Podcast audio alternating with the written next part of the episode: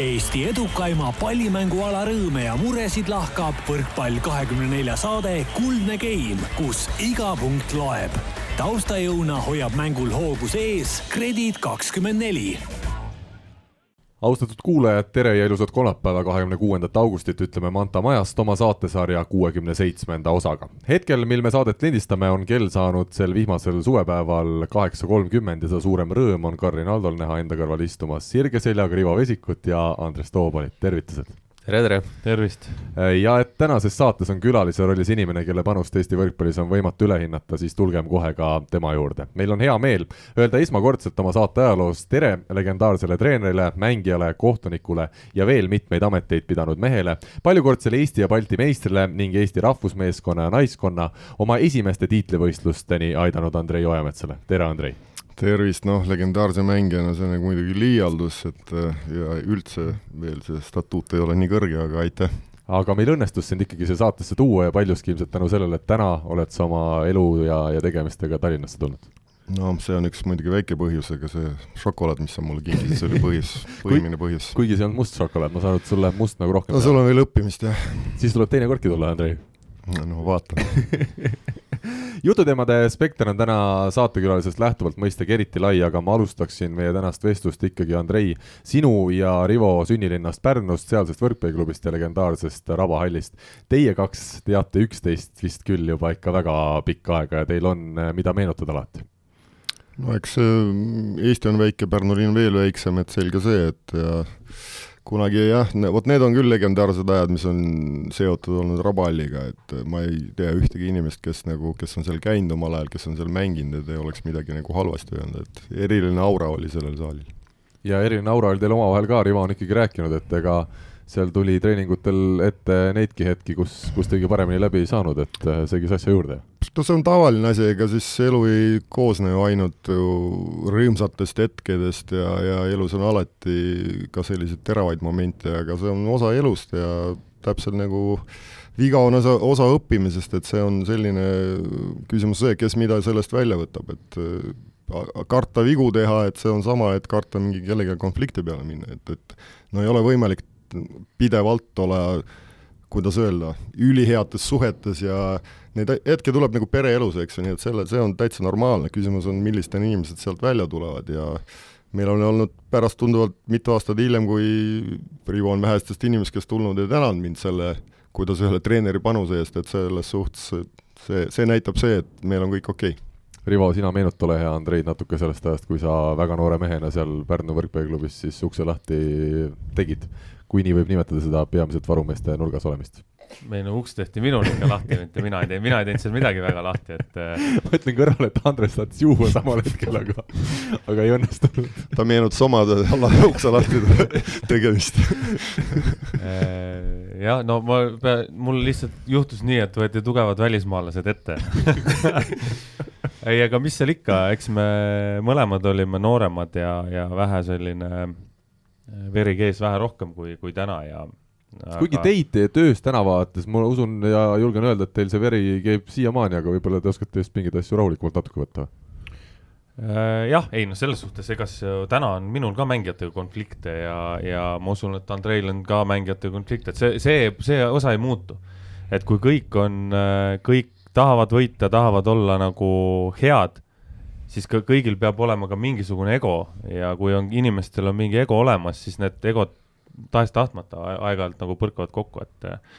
aga see, nagu Andrei ütles, on täiesti normaalne osa nagu meeskonnaspordist mm. -hmm. ja, ja ma arvan, et ei ole nagu, et kui, kui kõik saavad omavahel maru hästi läbi, et siis ei tule sealt ka mingit väga head tulemust, et see on selline. või on see võlts? või on see võlts jah, et äh, aga Andreid mina esimest korda mäletan üldse äh, see võis olla mingi Pärlsele laager äkki või mm,? Pärse, Pärsele või Urumarja, mida iganes Uru,. Urumarja jah, Urumarja jah, pigem jah, Urumarja, see jah, Urumarja laager, mida siis äh, Pärnu võrkpalliklubi korraldas, kus äh, olid Andrei oli treener, Mehis Merilaine oli treener äh,, Oleg Laasarev oli treener. Valdo Järveküll. Valdo Järveküll, Kriina Anu, Ernits. Anu Karavaeva käis ja. sealt läbi ja. ja see, see oli nagu. Andres Queen ja. jah hästi palju toredaid mälestusi, hästi palju sai kosmonaute teha, sealt sai nagu füüsilise põhi alla puhtalt tänu oma lollustele. Et sealt mina mäletan Andreid esimest korda, aga, aga siis äh, mõned aastad hiljem, noh, Andrei korraldas äh, Eesti rannavõrkpallituuri, on ju, kui me seda hakkasime mängima, sealt oli nagu puutepunkt ja siis oli ta Pärnu ESS-is äh, juba treener, et mm, -hmm. et, et nii ta läks noh, mis ma oskan öelda, hästi, Andrei oli nagu hästi emotsionaalne inimene, väga hästi on meeles see, et kui me tegime võistkonna soojendust, korvpalli või jalgpalli mängisime, siis äh, siis Andrei oli kindlasti see mees, kes ei tahtnud nagu kaotada kellelegi, et äh, hirmsalt möllas ja tegi asju, me kõik olime sellised, aga ma pole nagu pärast teda, kui treenerid löövad kaasa, siis üldiselt treenerid on nagu rahulikumad, aga, aga noh, nagu ma ütlesin, Andrei vist oli siis ka kolmkümmend, mis sul vanus oli, kolmkümmend viis või? noh, jah, eks ta kuskil sinnakanti oli no siis on ikka täis laks spordimees veel. tol ajal veel jõudsid joosta. jah, lubas, tervis ja, ja liigesed lubasid veel teha kiireid liigutusi aga, aga üldiselt äh, minul on ainult nagu positiivsed mälestused ja, ja nagu ma, nagu Andrei ütles ka, siis kui mina lõpetasin oma sportlaskarjääri, siis ma päris siiralt tänasin Andreid, et, et mina sain sealt väga palju kasulikku ja, ja õppisin väga palju, et võib-olla võib-olla seal üheksakümnendate lõpus, kahe tuhandete alguses endale ei tundunud nii, aga hiljem said sellest väga hästi aru, et, et äh, oli väga-väga tore ja õpetlik aeg. Andres, mis hetkest sina Andreid mäletad ja, ja millisena? no mina tean ka juba, kui, kui ma päris pisike olin, esiteks juba siis, kui, kui Gert ju läks äh, mängima Pärnusse ja, ja eks ma neid samamoodi neid äh, rannavõrkpalli neid üritusi käisin ju kogu aeg vaatamas, et äh, meil oli niisugune perekondlik üritus kogu aeg, et äh, et äh, kui keegi mängis, siis äh,, siis sai alati vaatama minna ja, ja tegelikult äh, vähe võib-olla isiklikumalt, siis äh, siis ka esimene asi, mul tuleb Pärlselja laager meelde, kus, kus kindlasti Andrei oli kohal. Ja, ja pärast seda juba siis äh, äh, ma arvan, et minu esimesed niisugused koondise mängud EM-il, kus Andrei oli, oli, see oli vist statistik või, või lihtsalt niisugune nõuandja, ma arvan Äh, kus ma nüüd pole olnud. jah, et, et äh, see oli jah, siis ma ei tea, kas U üheksateist. Andrei oli kaasas. Andrei oli kaasas jah, ja, ja siis äh, tegelikult ka pärast seda, pärast seda ju tegelikult Andrei ju tõigi mind nii-öelda profivõistkonna juurde, et ma käisin ju Türilt üheteistkümnendas klassis hakkasin käima ju trennis ja ja see rabahall oli, oli, oli teatud mõttes kodu et ma ju seal nädalavahetuseti elasingi ja, ja see oli majutuspaik, söögikoht, treeningkoht, mida iganes nii et äh, jah, mälestusi on, on nii palju, et äh, tegelikult jah, kus, kus see algab, see on, see on juba ähmane, et, äh, et see on nii pikalt olnud. aga nüüd vaatame teistpidi, Andrei, kui sina noort Rivot äh, meelde tuletad, siis äh, mis sulle meenub? No üks asi, ega ta ei alustanud ju pingi pealt üldiselt, kui mul hakata meelde tulema, ta alguses oli põhikoosseisu mees, aga siis me mängisime kuskil seal Tõrva kandis, mingi mäng oli seal, need, need väljasõidumängud niinimetatud oli ja siis meil oli ma ei mäletagi, kelle vastu me mängisime seal, võib-olla oli Rakvere, aga siis äh, tol ajal Raimo Pajusalu ikkagi oli pingipoiss. Mm.. aga selles mängus juhtus nii, et Rivo väänas jala välja ja siis panime noore Pajusalu mängima ja Pajusalu kuidagi jäi sinna pärast, et äh, jäi võttis, võttis hammastega kinni sellest kohast, jah. aga eks äh, vaata, no nagu me kõik, no Rivo ütles, et noor, no, olime nooremad ja, ja rohkem sellist veri kees seal nii edasi, aga nii ta ongi, ega siis äh, noorest peast paljud asjad tunduvad sul teistsugused ja vaata, küsimus see, et sa oled vanemaks, sa oled seal ülemises otsas nagu targemaks, aga põhiline on see, et see südame poole peal need asjad nagu jahedamaks ei lähe, siis on kõik korras, eks ju, et selge see, siis hakkad mõistusega võib-olla ja oma rohkem emotsiooni kontrollima, et selles, selles suhtes äh, võib-olla need äh, teatud sellised teravad momendid või konfliktsed olukorrad olidki tingitud selles suhtes, et äh, võib-olla tühja koha peal mõnikord oli ka niimoodi üks või teine nagu oli nagu oma emotsioonidega liialdanud, et see rohkem, kui tänapäeval rohkem pead kasutad, eks ju, siis äh, tol hetkel äh, seda oskust veel nii, nii palju ei olnud ja eriti ja, minul. ja ka mõle-, ei no ka mõlemale poole peale, ega vaata treeneri ametis sa eluaeg ka õpid seda inimestega suhtlemist, eks ju me kunagi Tartu meeskonnaga mm, käisime Valgevene turniiris ja siis tagasisõidul, kas oli Mogiljev või midagi niisugust, päris kaua, pikk sõit ja tagasiteel, mis sa ikka teed ja siis oli niisugune tutvumisõhtu ja Argo Meresaar oli ka siis esimest korda võistkonna juures. ja siis igaüks rääkis sellest, et kuidas ja mis ja ja läks väga selliseks äh, ava, noh, ka avameelseks jutuks ja ja ma, kui mi-, ma ütlesin ka, et ma okei okay,, ma olen siin juba teine aasta, aga okei okay,, mina räägin siis endast ka, sest ma enne seda pole teinud. Ja kui ütlesin ka, et no Argo võib kinnitada, et ma olen kõvasti muutunud võrreldes sellega, et Argo mäletab mind noor, kui ma olin tunduvalt noorem ja Argo ütles, et jaa, et aga see hetkel on ju ööpäev, mehed, te, te üldse ei kujuta, millal Andrei oli. Aga kas seda, kui Rivo siin mainisite, ka rannavõrkpallis juba üheksakümnendatel aastatel puutusite kokku,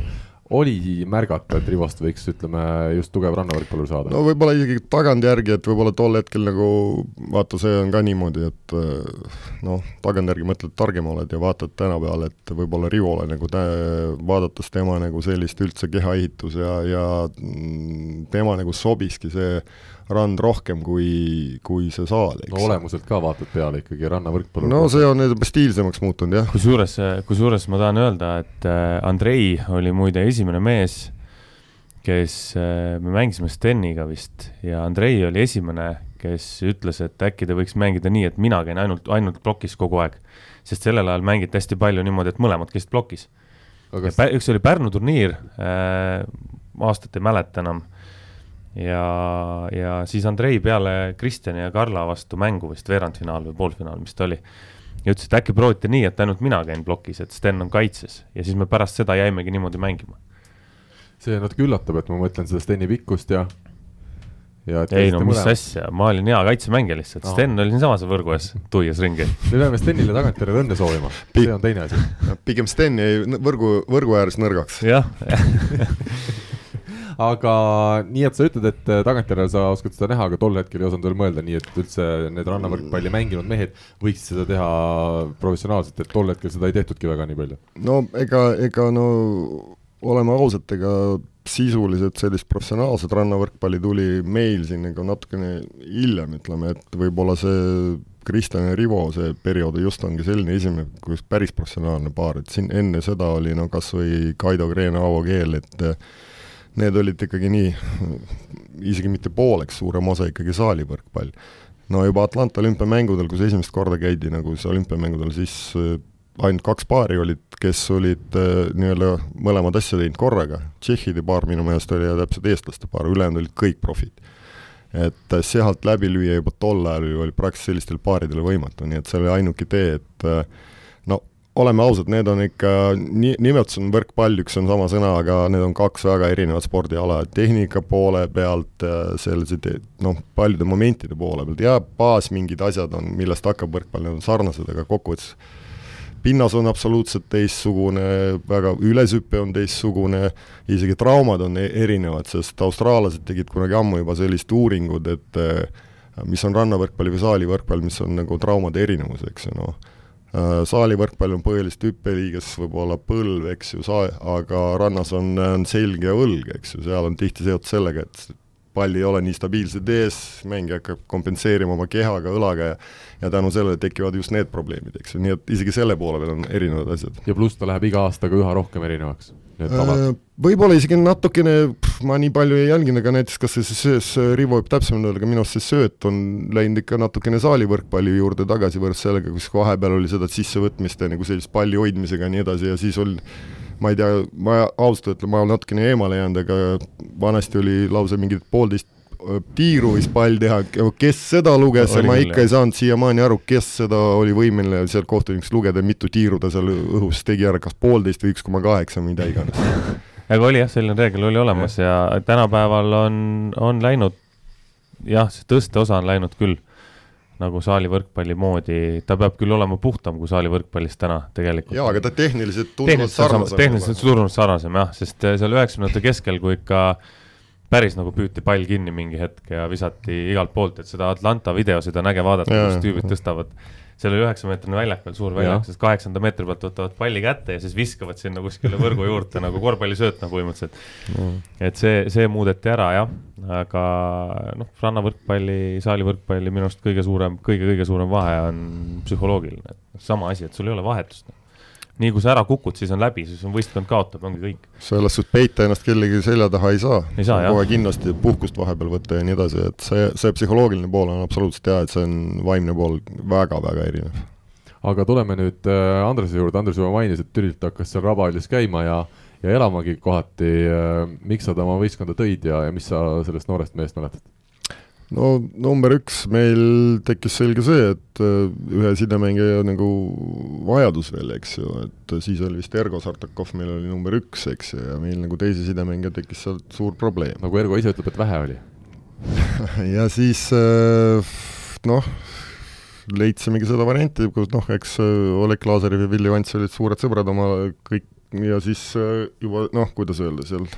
üldse ju Toobalit on siin omapärane sidemängijate perekond, eks ma ei tea siis, mis, mismoodi see on juhtunud, aga niimoodi, niimoodi on läinud ja siis äh, jah, tänu siis tol ajal veel vist ESS või Falk juba, et siis selle auto läks järgi, auto viis tagasi ja et selles suhtes oli kõva abi meil. Ja muidu oleks sellist, selle asja korraldamist äh, oleks väga keeruline ette, ette arvata üldse. jah, et tagasi sain, tagasi jah, tõesti, turvafirma auto tõi, et bussiga läksin iga, iga, iga päev või noh, ütleme päris iga päev ei käinud, aga, aga vähemalt kolm korda nädalas kindlasti ja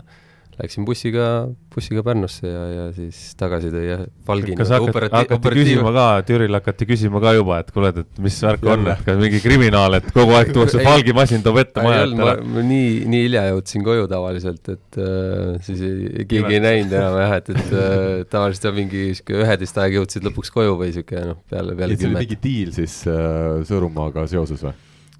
Ei no mis ta diil, küsimus oli selles, et poisile vaja koju saada. et äh, koju saada ja meil oli selles suhtes tõesti tol ajal noh, siin kasutan isegi võimalust, et see panus, mida Urmas Sõõrumaa tegi selle võrkpallile, eriti Pärnu võrkpallile, millest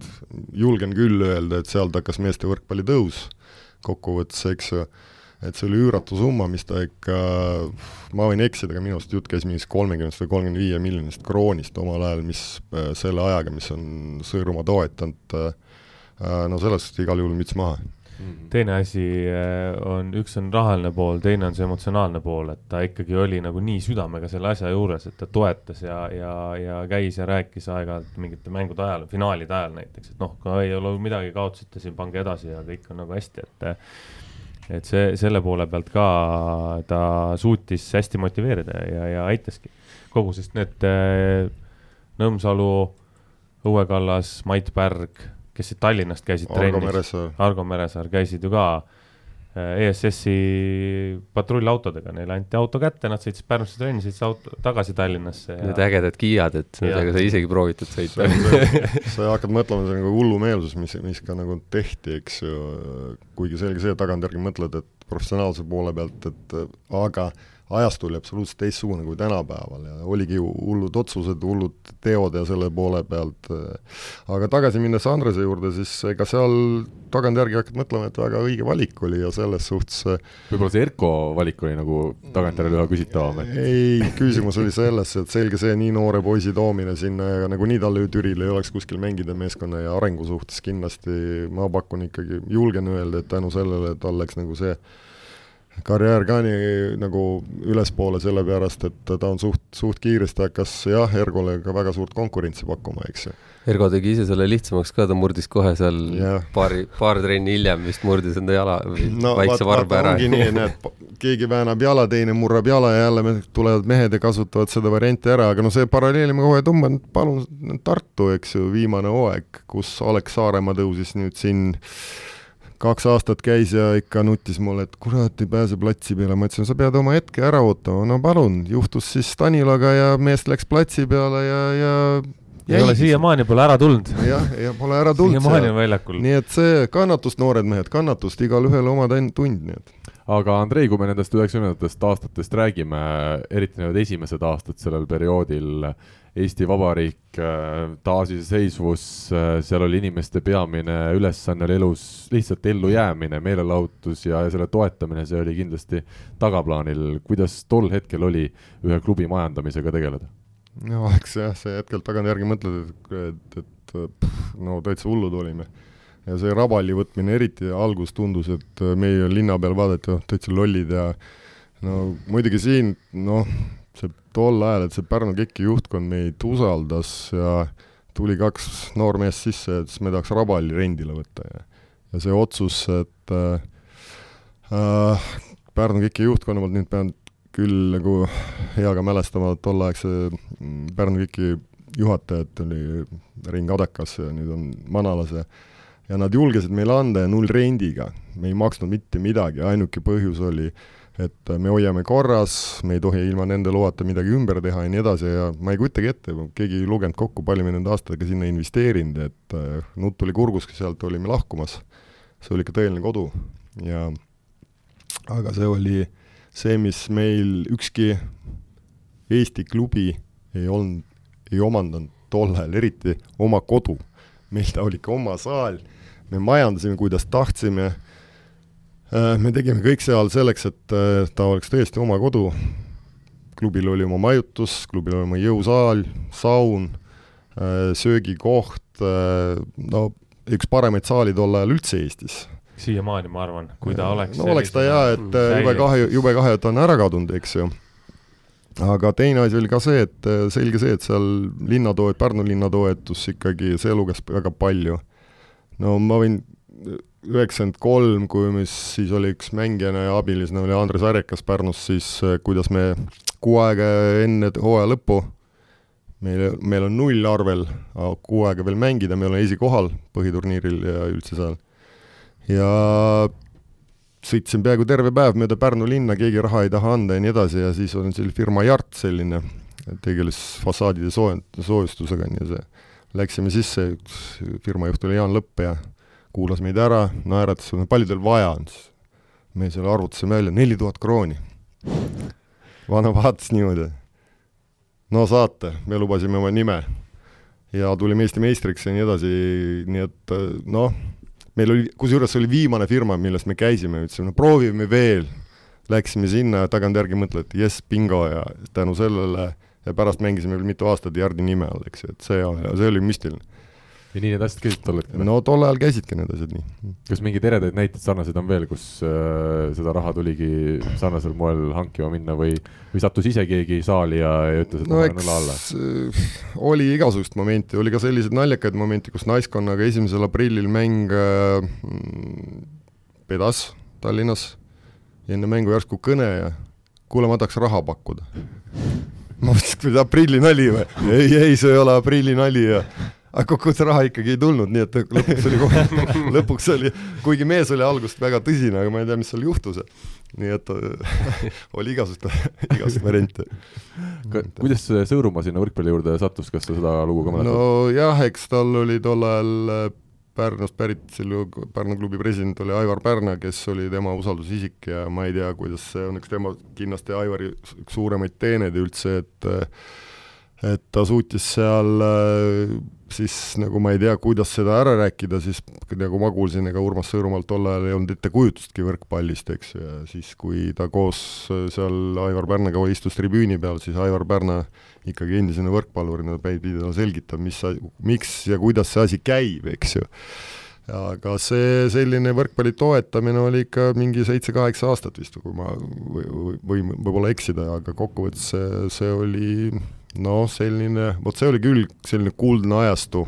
igas mõttes Pärnu jaoks. kas äh, võrkpalli ajajana õnnestus üheksakümnendatel nendest karmidest aegadest äh, eemale jääda või käis, äh, käisid need asjad ikkagi kokku, et tol ajal, tol ajal tuli ette igasuguseid juhtumeid? no ma ei tea, meil kuidagi vedas, et see, meil nagu klubil oli läinud ikka selles suhtes ikka väga hästi, et ma pakun, me suutsime tol ajal äh, sellisel ettearvamatu ajal, aga inimesed nagu, ma ei tea, see oli igas mõttes nagu ellujäämise aeg, aga samas oli inimesed nagu julgesid teha ja ma ei tea, kas sellest, et järsku kõik on lubatud, võib teha, jess, teeme, eks ju. see rõõm oli nii suur ja ja no kas või need, Rivo mainis need, need Urumarja või Pärselja laagrid, eks ju, no me tegime neid ka seal üle kümne aasta ja tol ajal Eestis ei teinud mitte keegi sellist asja, no mina käisin Kanadas üheksakümmend üks, üheksakümmend kolm, kolm aastat järjest ja sellistes, võtsin malli sealt, rääkisin Oleg Lazarevile, see, see hakkas nagu põhimõtteliselt tema hakkas, võttis sellest kinni, hakkas eest vedama, mina olin nagu lihtsalt abiks, eks ju ja see, mis me seal tegime, hakanud meelde tulema, kui palju inimesi läbi käinud, tänapäeval vaatad, siis nim-, tol ajal nimetati Viimsi maffiaks, väga huvitavad sellised inimesed, tänapäeval vaatad neid telepildis, küll on telekommentaatorid, kes seal ja seal juhtivatel kohtadel ja üks, üks nendest muide on äh,, meie tütred käivad ühes klassis. no vot, ja, ja siis äh, äh, seda ei teinud mitte keegi sellist asja. Mm,, vot selles suhtes, et äh, muidugi noh, võib-olla see rahaliselt ja nii edasi, elu on ka nii palju muutunud, eks ju, majandus, ma, täna on väga raske sellist asju teha, me tegime viis vahetust A kümme päeva. ja nende vahetuste vahel ainult üks päev vahet, see treenerid olid seal peale viie, peale viiendat vahetust, me olime nii läbi omadega, aga samas nagu mingi, see oli jumala tühi tunne, aga nii õnnelikud ja vahetuse rekord oli mingi seal sada kakskümmend viis või sada kakskümmend kaheksa last, see on ikka hullumeelne, mis seal toimus. meiesuguseid lapsi, Nõmsalud ja, ja mehed seal, kes seal, seal tuli ka huvitavaid, Ragnar Pähn on läbi selle laagri näiteks tulnud, Jaanus Nõmsalu läbi selle laagri tulnud võrkpalli, ma usun, usun, et väga paljudele inimestele see võrkpall läbi selle laagrite jäid sellised nagu hingesse ja südamesse, et et see noh, seal oli väga naljakas üks moment, oli üks vahetus, ma mäletan, mm, poisid pasteerisid pidevalt tüdrukuid iga, iga öö praktiliselt, me ei saanud neid kätte. Aga siis noh, laagri lõpuks lapsed ikka väsivad su-, no surm väsinud ja viimane aasta, õhtu oli disko ja asjad ja no ja siis treenerid ikka kannatasid ära seal kolmeni või neljani öösel, kui need olid kõik juba laibad ja läksime, pasteerisime kõik poisid ära, nad olid hommikul nii vihased, mõtlesid, et tüdrukud tegid tagasi ja, siis, kui poiss, buss hakkas ära sõitma, treenerid seisid, lehvitasid ja võtsid tuubid välja niimoodi, oleks näinud poiste nägusid seal bussis, no nii et sai, seal oli väga häid asju. Lõpetuseks äh, ma küsin, kas äh, see võrkpall, mida tuhande üheksasaja üheksakümnendatel aastatel seal Pärnu võrkpalliklubis mängiti, oli toona juba ikkagi profivõrkpall või seda tehti mingi teise töö kõrval? Äh, ütleme niimoodi, et meil selle samasel Urmas Sõõrumaa nagu toet-, toetanud tulekuga meil tekkis see võimalus, eks ju ja sealt nagu hakati juba seda nagu tunduvalt professionaalsemat tegema. pluss mulle tundub, et tol ajal inimesed vist nõudsid ka vähem. elamine oli lihtsam, see, kui sa said juba toidu lauale, inimene oli rahul, ta sai võrkpalli mängida, nii nagu tänapäeval, et tal peab olema suur ja ilus korter, hea auto, et see oli natuke nagu teine aeg selles suhtes ka äkki või? no eks, eks kindlasti ja no eks me tol, tol ajal õpiti ka elada nii-öelda uues kapitalistlikus süsteemis, eks ju, et see oli täielik üleminekuaeg, inimeste äh, väärtused, äh, arusaamad sellest elust olid kõik äh, noh, paljudel löönud sassi, samas on äh, noh,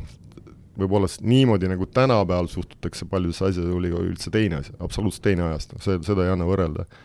eks seal noh, kroon oli muidugi, kui tuli ja siis ta oli ikka kõva raha, aga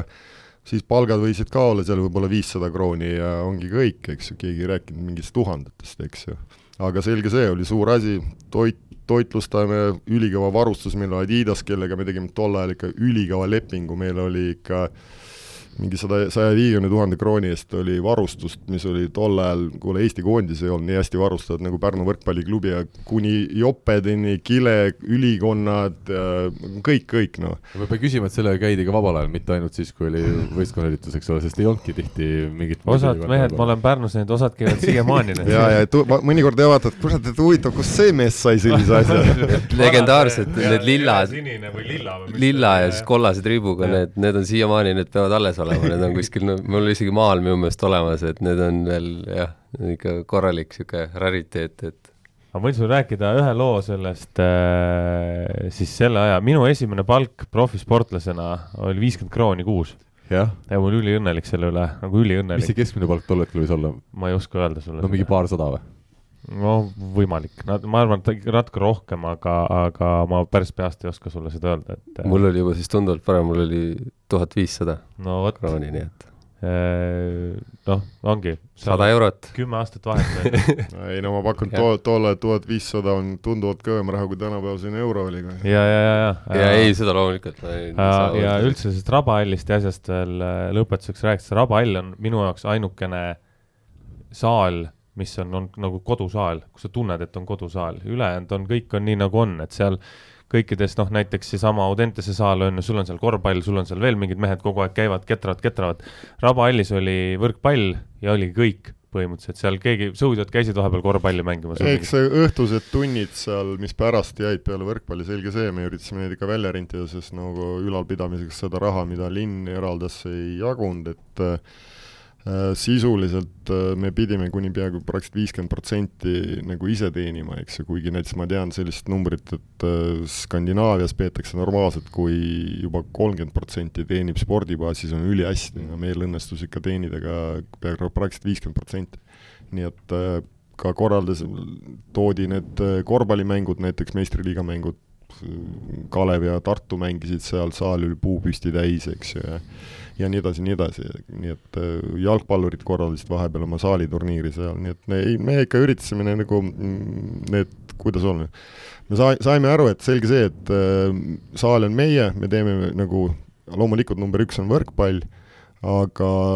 selge see, me saime aru, et ega me päris nagu niimoodi, et me kedagi ei lase, me, me kindlasti ei saa niimoodi eksisteerida, pluss oli ka kokkulepe Eesti Võrkpalliliiduga.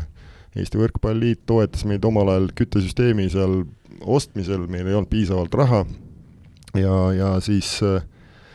oli kokkulepe, et ma ei mäleta, viis aastat või palju, et see oli niimoodi, et äh, alaliit sai ikka praktiliselt äh, leiva kommiraha eest seda saali nagu kõik noorte, väga su suurem osa noortekoondised korraldasid oma laagrit kõik seal.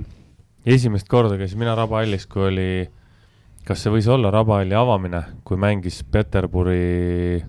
automobilist kellegi vastu jah, oli küll, automobilist oli Kaunas, oli Pärnu Kekk oli ja Eesti Kalev oli. jah, ja siis ma, mina olin seal labipoiss, lükkasin lappi ja teist korda käisin Rabahallis ansambel Culture, Culture Beat'i kontserdil.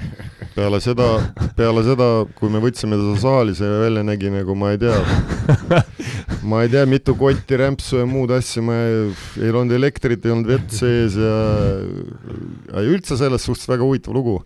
Me võtsime alles seda kätte, ta oli niimoodi, et see valge põranda osa, see oli tume hall, seda ei olnud näha peale seda kontserti, siis peale seda seal ei toimu mitte midagi, ei olnud kütet, mitte midagi ja siis järsku KIK-ist tuleb juhtkonna poolt, kuulge, see nüüd on teie see saal, et siin tahavad ühed saali rentida, et äh, noorte kristlik ühing või midagi niisugust, nad tahtsid oma üritused korraldada. tulid me, saatsid meie juurde, mõtlesime, no okei okay.. mõtlesime, kuulge, me teie käest raha ei võta, aga te pesete puhtaks. ja nad pesid mingi kuus või seitse korda ja alles peale kolmandat korda hakkas see väl-, valge värv välja tulema ja ja kui see üritus oli läbi, Nad kutsusid meid pärast, oli see, seal saali nurgas oli see treenerite ruum, seal ei olnud tol ajal muidugi mitte midagi, istuti lihtsalt selle plaatpõranda peal ja mäletan, kingiti mulle ja Olegile igalühele piibel pühendusega, siis nad laulsid lauldu ja ütlesid, et palvetasid selle saali pärast ja, ja et siin oleks kõik hästi ja võib-olla selle, ma ei ole usklik inimene, aga too läks südamesse ja, ja võib-olla ka sellepärast mingil määral see, ma ei tea, jumal hoidis seda kohta, nii et miks Raba, Rabahall üks hetk ära kadus? tuli kaks tuhat kaheksa see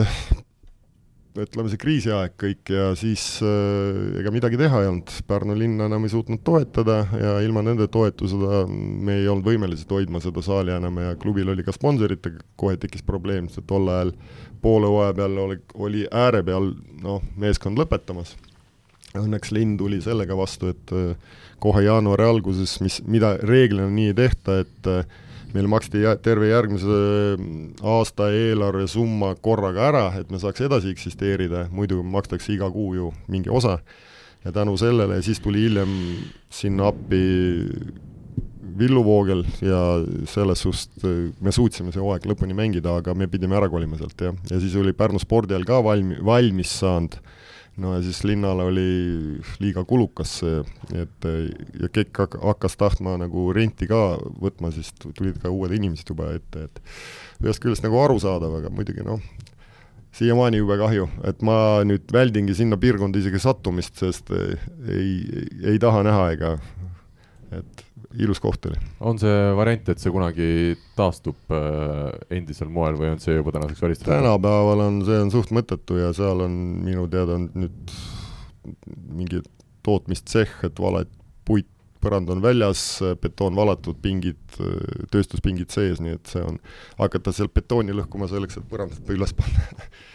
ei, ma ei usu. aga pool tundi on tänasest saatest juba kulunud ja võtame ette küsimusmängu küsimusmängu toetaja on teamshield.com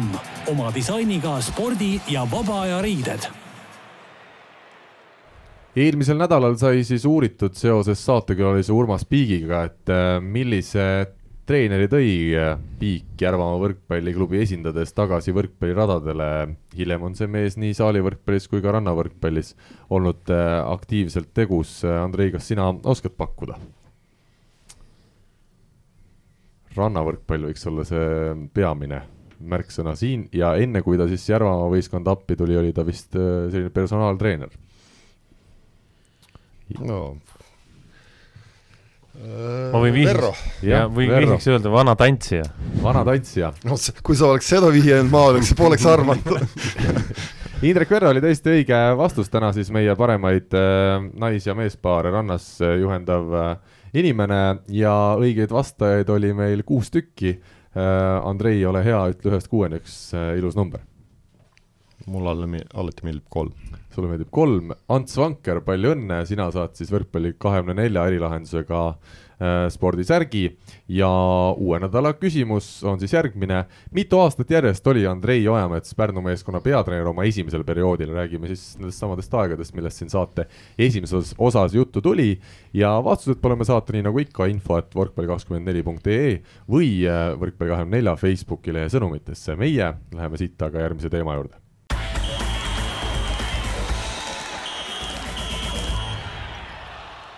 Andrei äh, esimene pool saatest juba kulus, kujunes nii pikaks, et ma olen mingid teemad siin maha tõmmanud, äh, aga millest täna kindlasti rääkida tahaks, oleks ikkagi sinu, ütleme, viimaste aastate üks äh, peategevusi, see on naiste võrkpall. ja, ja selles suhtes sa oled ikkagi eriline mees, et sa oled äh, naiste ja meestega siin viimasel ajal mõlemaga siis päris kõrgel tasemel tegutsenud. sa ütlesid, et rannavõrkpall ja saalivõrkpall on väga erinevad alad, kas meeste võrkpall ja naiste võrkpall on sama erinevad? No võib-olla siin mõned aastad tagasi, no mitte mõned, aga sellist viisteist aastat tagasi ma ütleks, et jaa, väga erinev, eks ju, aga tänapäeval ikkagi, kui sa seda tipptaset, no ja õnneks sai seda tipptaset nagu tõesti nüüd lähedalt näha ja no see erinevus ainult rohkem hakkab ära kaduma, sest äh, see on naiste poole peal, asi on läinud ka nii jõuliseks, nii kiireks ja vaatad need tipptasemel naismängijad, no nad on ikka tõelised atleedid ja seal Ungaris, kui olime, siis ma korra tulin hotellist välja, läks kaks mängijat ees ja ma vaatasin oma piitsepsit ja vaatasin selle naiste mäng piitsepsit, mul oli natukene häbi enda pärast. Tõmbasid käised allapoole. Jah, aga ei, väga atleetlikud, no räägib iseenesest, et äh, iga mees üle saja kilomeetri tunnis äh, servi ei löö, aga tänapäeval juba naiste rekord on sada kolm, on löönud serblane Poškevitš, eks see maailma parim diagonaal ja teine tema võistkonnakaaslane, serblane Mihhailovitš on pannud sada üks, eks ju, Rio olümpiamängudel, no ja räägi... meestel, ma ütlen juurde, oli vist Leonil oli kuskil sada kolmkümmend ja Tähel üle saja kolmekümne minu arust, mingi saja kolmekümne viie ringis, eks ju, fakt on nagu iseenesest sellest, pluss need mängijad, no Eestit pole näinudki veel, ütleme oma silmadega, need, kes on, käisid ära, ära Budapestis, need nägid, mis kaliibriga äh, naismängijad on, eks ju, aga Eestis nagu inimesed, kes pole nagu tõeliselt tipptasemel, noh, telekapilt on telekapilt, eks ju.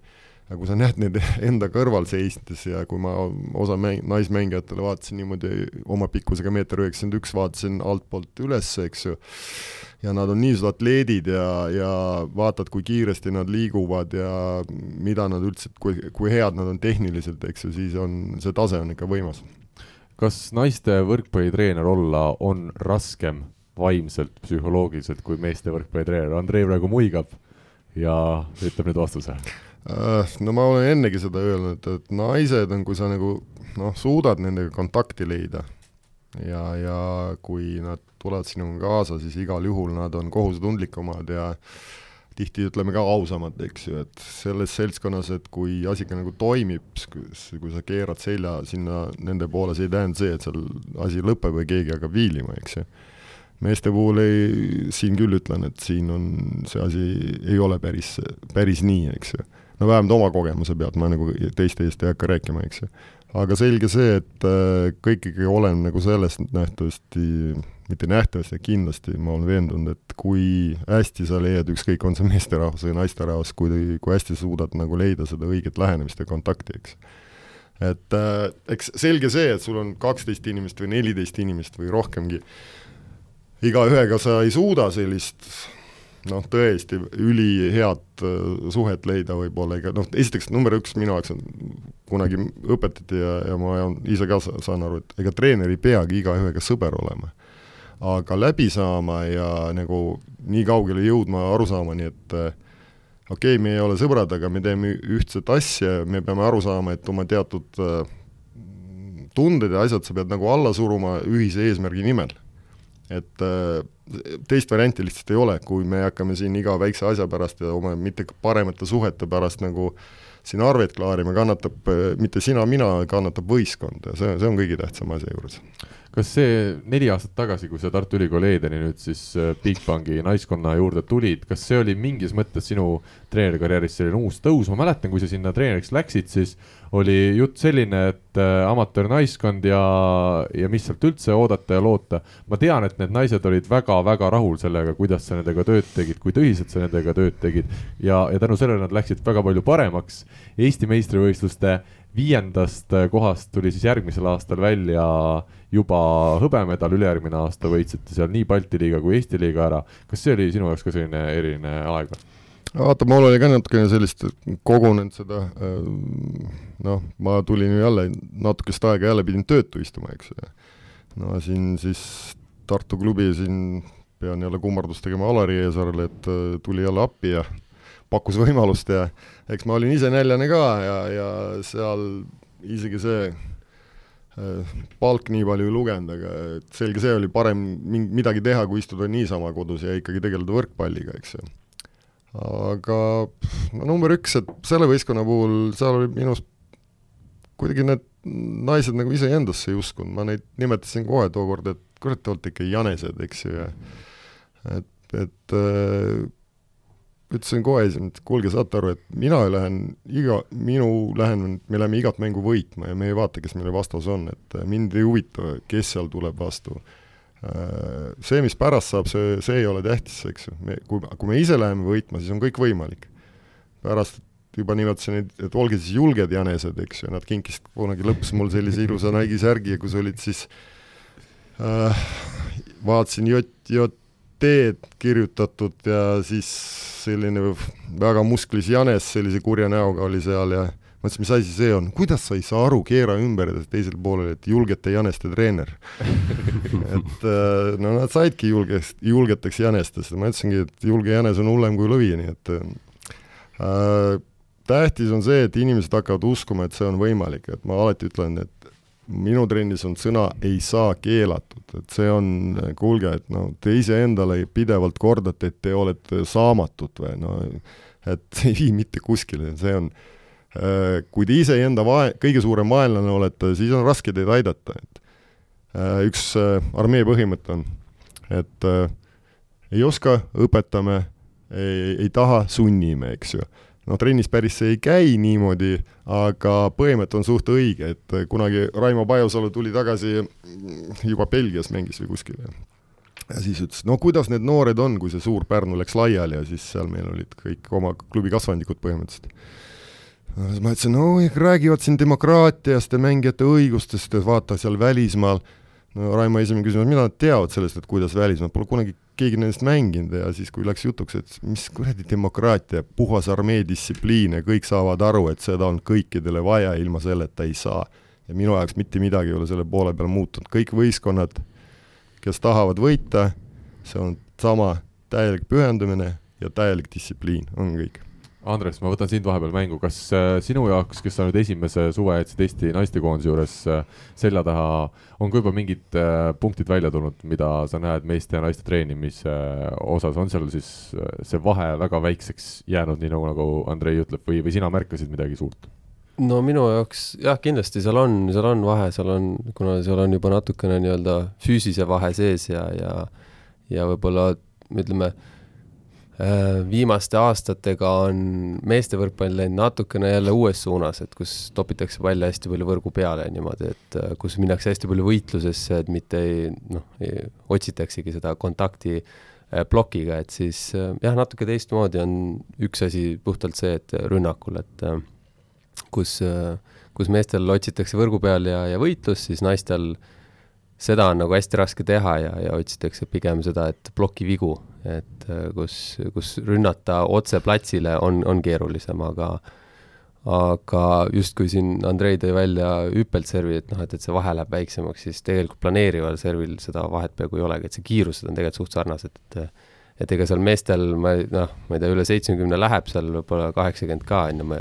nii, nii täpselt ei oska öelda, aga aga sai siin mõõdetud äh, kusjuures meestel minu arust ei läinud isegi kaheksakümneni, isegi no koondises tehti seda, minu arust seitsekümmend oli midagi. aga, aga naistel oli siin, Rainer mõõtis ka, et üle seitsmekümne said kindlasti siin stabiilselt isegi, et äh, trennides, et mängudes noh, jääb sinna kuuekümne viie kanti Rivo, sina tunned ka naisi hästi, aga ma ei tea, palju sa nüüd võrkpallialaselt nendega tegelenud oled, kas äh, oskad ka siin kaasa rääkida? Ma võin nii palju öelda, et äh, naiste võrkpall on kõige sarnasem pallimäng meeste võrkpallile üldse maailmas. Ma hetke isegi mõtlesin, mis selle jutu iva oli, aga aga ma tahtsin Andrei käest ühte asja veel, et, et just see, et kuidas treeneritega on, et sa, sa oled, olid pikalt nagu ühe, ühe koha peal ja tegelesid veel noh, ütleme selle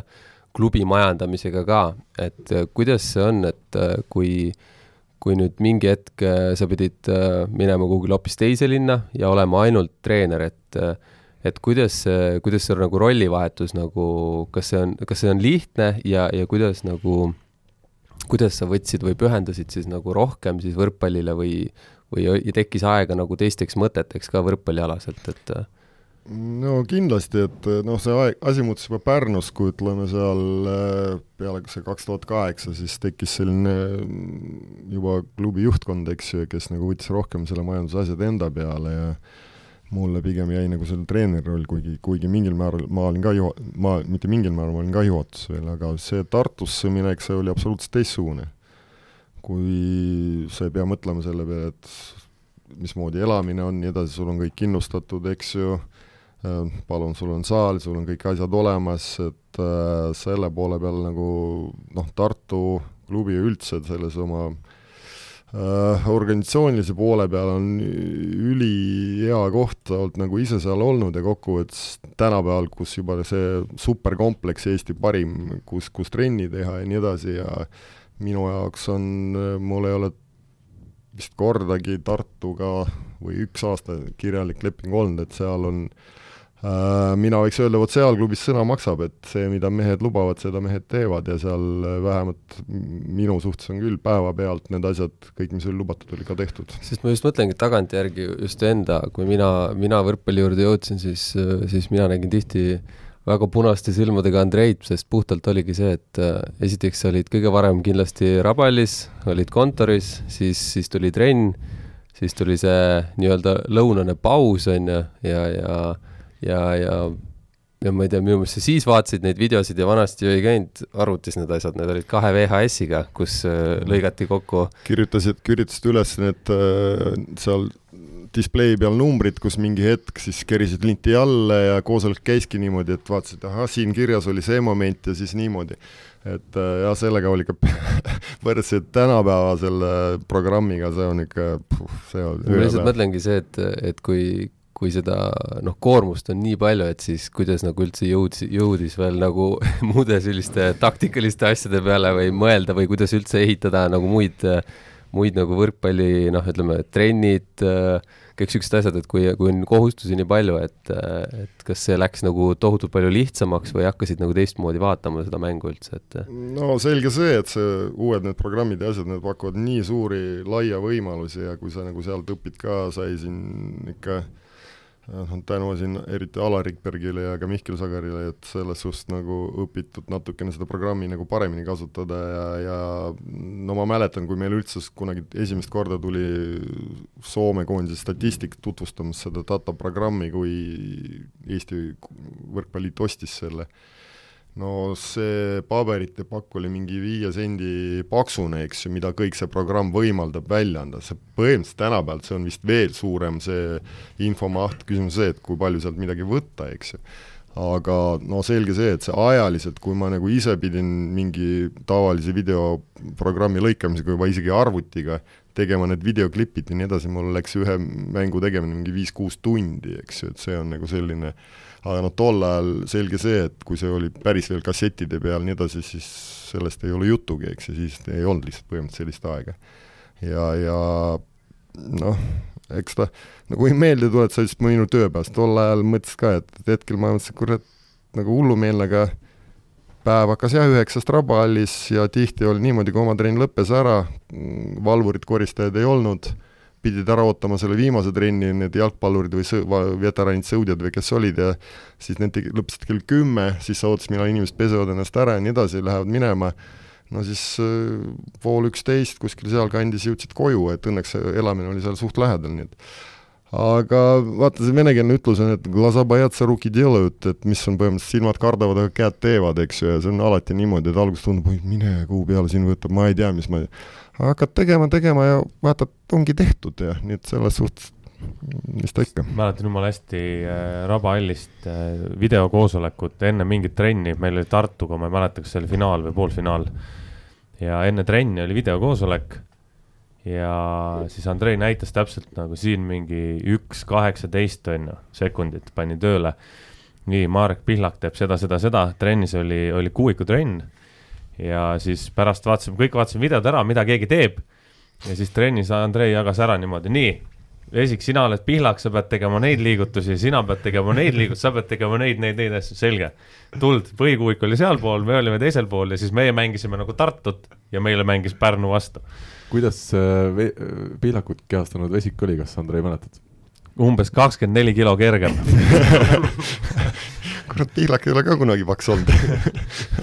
ja see statistika koha pealt äh, enne MM-i finaalmängu äh, kolmsada lehekülge numbreid, mille me läbi töötasime sakslaste vastu. kolmsada lehekülge, seesama data poolest välja lastud kõike, mingid suunasid, servid, mis, mida iganes, noh. kõike, kõike, kõike äh, Andrei, palju üks treener aastate jooksul on kahetsenud äh, neid mängumomente, mis ta on siis teinud ja, ja mille taha võib-olla mängud on ka kaduma läinud, kas äh, seda tuleb siiani ette ja tuleb seda palju ette või see aastatega on ka muutunud, et sa suudad rahulikumalt võtta neid asju mm,? tead, no see on kindlasti personaalne, aga mina küll ei kahetse midagi, et esiteks number üks on, ega siin elus midagi tagasi ei too, mis on tehtud, see tehtud, eks ju ja ma võisin võib-olla seal mõne kohtunikule minna vihaseks, mõni hetk olla seal mängija peal emotsionaalne aga ma ei ole mingi, ma ei ole kunagi pika vihaga, et jaa, minu emotsioon võib-olla on selline plahvatuslik tihti olnud, aga see on nagu siin noh, siiras, eks ju. fakt on see, et ma siin mõne, mõne hetke pärast ma olen ka mõnele siin helistanud ja öelnud, kuule, sorry, noh, oli, oli see mäng ja vabandust, eks ju, et nii läks, et äh, nii et äh, mis sa siin ikka kahetsed äh,, mis tehtud, see tehtud ja noh, tuleb edasi minna, et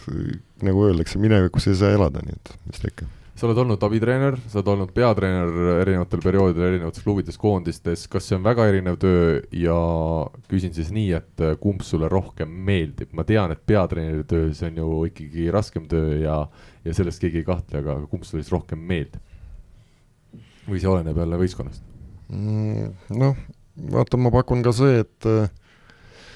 Äh, kellega sa seda koostööd teed, peatreener, kes on su abiline, no ma alati olen öelnud, mul nagu abitreeneritel alati väga vedanud, eks, oli see Raul Reiter, Valdo Järvekülg, Rein Mõnnakmäe, äh, Tartu poole peal Oliver Lüütsepp, koondise juures Marko Mett, eks ju, et äh, ma küll ei saa öelda, et mul ei ole nagu nende inimestega vedanud, eks ju, et ma olen nendele tänulik selle eest, mis nad on äh, teinud, mida me oleme koos teinud ja nii edasi, eks ju, oli ka seal ühega või teisega võib-olla teravaid hetki, aga nagu me enne rääkisime, see on, see on üks osa elust, sellest ei pääse, eks ju. Äh, selge see, et peatreeneri vastutus igal juhul, et kui midagi on, ega teise treeneri pea paku peale ei panda, eks et kui midagi on, number üks, alati vastutab kõikide asjade eest peatreener selle poole peal on kindlasti see asi raskem, et selle poole peal teise treeneri on selline elu nagu kuurort ikkagi. aga teisest küljest teise tre-, kui see hea teine treener, ta võtab, ta võib jube hästi aidata, ta on üks tead-, ta on nimetatakse nagu puhveriks nagu võis-, mängijate ja peatreeneri vahel. Ta kui ta oskab ja ta oskab siluda neid probleemi, mõnikord mängijad räägivad temaga tunduvalt avameelsemalt kui, kui peatreeneriga ja nii edasi nii edasi. Äh, nii et äh, ma ei tea, mulle on, vaata, ma ei ole kunagi, kunagi seda vastutust kartnud, eks ju, äh, ja samas mulle on ka nagu meeldinud no teise treenerina olla, aga see, selge see, et teine treener minu jaoks on see, et kui sind peatreener aktsepteerib ja küsib sinu arvamust, peab nõu, siis sa ise tunned, et sa, sa oled vajalik aga kindlasti olla väga raske äh, abitreener, kui noh, sa oled kohatäideks võib-olla, nii edasi. no õnneks ma ei tea, mul sellist tunnet päris kohatäideks ei ole kunagi olnud, eks ju, aga selge see, et see tre-, teise treeneri roll kindlasti on äh,, oleneb väga palju, kuidas inimene tunneb ennast seal äh,, sõltub ka peatreenerist, kuidas see peatreener motiveerib oma kolleegi, eks ju, ja kui palju siis nad on kaasmõtlejad, et see on nagu väga tähtis moment. veel üks spetsiifiline küsimus, kui tihti on sinu treenerikarjääris seda hetke tulnud ette, et sa vaatad oma võistkonda ja mõtled, et ma ei tea, mida teha, et see mäng hakkaks tööle, et see võistkond hakkaks toimima, et sulle tundubki, et selle pundiga või selle võistkonnaga ei, ei annagi midagi paremaks teha, sest mingid asjad lihtsalt ei klapi.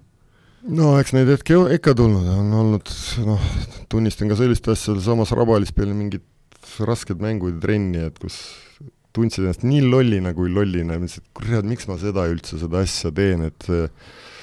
lülitasid tuled saalist välja, istusid ja lihtsalt röökisid üle saali ja mõtlesid, kurat, ei noh, või homme ei tule siia, ega homme, hommikul ikka tulid nii et mis ta ikka mujale polnud minna kohe. ei, ei no fakt on see, et ähm, neid momente ikka tuleb, aga see ongi seesama, et äh, minu jaoks oli kunagi, see, see rääkis mul üks siin veteranist hea lugu Ivan Tratšovist, kui ta äh, oli läinud Ukrainasse tööle, et seal oli selline mängija, et kes ütles, kurat, ma ei, ma ei tõsta niisama, ma ikka tõstan ja ma ei, kurat, ma ei löö servi niisama, ma ikka, kurat, ma ikka löön servi ja ma ei ründa niisama. ühesõnaga, mees oli endast nii vaimustuses, eks ju, et äh, Tratšov ütles, et näed, Vasja või Vanja, eks ju, näed seda teed, vaata mine siit mööda seda teed ja mitte ainult mi-, mine, no see oli üks natukene kõvem venekeelne sõna selle kohta, kõlas nii hästi, et ma ütlesin, no ega treener on täpselt samamoodi kui sa lased endale mõelda, et sa nüüd oled, no ma kõike tean, no siis tead, lõpeta see töö ära ja mine minema, et see äh,, seda ametit annab õppida elu lõpuni, nii et äh, iga korraga, kui sul tulevad mingid uued mängijad ja, ja või uued kolleegid, kellega sa hakkad koos töötama, et iga, ma, ma absoluutselt kindel, iga, igaühe käest on midagi õppida ka sellises äh, negatiivse kogemuse pealt ega positiivse kogemuse pealt, ka negatiivne kogemus on, on kogemus ja kui sa sealt midagi enda jaoks kasulikku võtad, siis kõik on hästi. jaa, Rivo tõstis käe ja, ja küsib. Äh, sellesama esimese teema kohta, esimese teema kohta öelda, see kahetsusmomendid peale mängu, on ju, või peale mingisugust asja, niisugust, siis mina olen mingi aeg saanud sellest aru, et äh, nendest momentidest on kõige parem õppida kõige lihtsam ja kõige parem, kui sa saad ise aru, et miks sa selle, seda nagu kahetsema hakkasid, kus sa tegid valesti, mis sa tegid valesti, siis järgmine kord seda momenti enam ei tule. ja nendest on lihtsalt kõige parem õppida ja Andrei ütles jumala hästi, põdema sinna küll ei ole mõtet või, või li-, või lihtsalt üle elada nüüd lihtsalt üle elada, jah, lihtsam üle elada ja siis sa saad juba aru, et okei okay,, meil, kui, kui meil tekib see moment või minu jaoks tekib see moment mitu korda, siis ma kuskil pean hakkama mingeid asju muutma üleelamistest rääkides, üleelamised ei pea olema ainult negatiivse tooniga, võivad olla ka väga positiivsed. kas Andrei, ma eksin, kui ma ütlen, et sinu treenerikarjääri kõige erilisem hetk oli ikkagi see, kui sa Eesti rahvusnaiskonna esmakordselt EM-finaalturniirile viisid? no kindlasti siin ei ole jutugi, et äh, noh, kunagi seal Sprint Cupis sai võidetud Bulgaaria, no esiteks too ei olnud ikkagi ametlik tiitlivõistlus, eks ju noh, see Tšehhi võit seal kvalifikatsioonis on, oli see selline võib-olla ühe mängu mõistes, no see oli tipp, sest tulla nii raskes olukorras, kui sul on üks vigastatud, teine vigastatud põhimängija ja sa said alles mõni päev tagasi null kolm peksa, nii et seal ei olnud variantigi, eks ju, ja ja siis tšehhid tulevad ja, ja sa, ja sa juhid veel kaks-null ja siis sa tuled raskest seisust viiendas game'is ja see emotsioon oli muidugi täiesti super, nii et ja see emotsioon vist kestis lõpuni, ma mäletan ja ma julgen päris ausalt tunnistada, et kui Euroopa meistrivõistlustel Ungaris sai viimane alagrupi mäng läbi ja ma sinuga usutlust tegin, siis meil mõlemal olid ikkagi silmad märjad, et, et see oli midagi erilist. ära hakka nüüd välja pigistama äh, ei noh, esiteks äh, vaata, see viimane mäng oli selline, kus äh, nagu kõik mängud olid juba ju kaotatud enne seda ja, ja no seal oli üliraske motiveerida mängijat selliseks mängu, kusjuures sul tuleb Aserbaidžaan, kes on ikkagi noh, mitte ainult Euroopa tipp, ta kuulub sinna kokkuvõttes ikka sellise ka maailma tippude võistkond. aga me, et me suutsime seal äh, nende vastu ikkagi no anda lahingu veel ja, ja võidelda ja mitte nii, et visata äh, püss põõsasse, ah, siin on kõik läbi, nagu mis me siin ikka pingutame, eks ju aga see pingutus oli seda väärt, et me ei jäänud kahekümne neljandaks ja me, me jääme kahekümne kolmandaks ja arvestades oma e-, esimest etteastet sellisel turniiril, siis see kokkuvõttes äh, koha poolest see etteaste oli isegi parem kui meestel nüüd. Andrei, meil hakkab äh, saateaeg paratamatult läbi saama, sest sul endal ootavad audentsed tüdrukud juba ukse taga, et sa neid sisse laseksid, nii nagu omal ajal oodati Rabahalli ees, et, et Audentes on alati lahti. on jah väga hea, igatahes äh, ma julgen siin mikrofoni ees ära küsida, Andrei, meil jäi nii palju teemasid käsitlemata, meil jäi siin noortest rääkimata, meil jäi Tartu Bigbanki meeskonnast rääkimata. Ja kuna ma selle šokolaadi ikkagi tõin sulle vale, siis kas sa oled nõus tegema kokkuleppe, et äkki me leiame järgmisel nädalal veel ühe aja ja me räägime ka need teemad ära ja, ja ma usun, et kuulajad oleksid väga rahul no võib-olla jaa, et ma juba nagu sellepärast, et kahetsen see, et sa lubasid võrkpallist rääkida, aga kuidagi muutus minu personaalsaateks või personaalküsimuse arutamiseks, eks ju.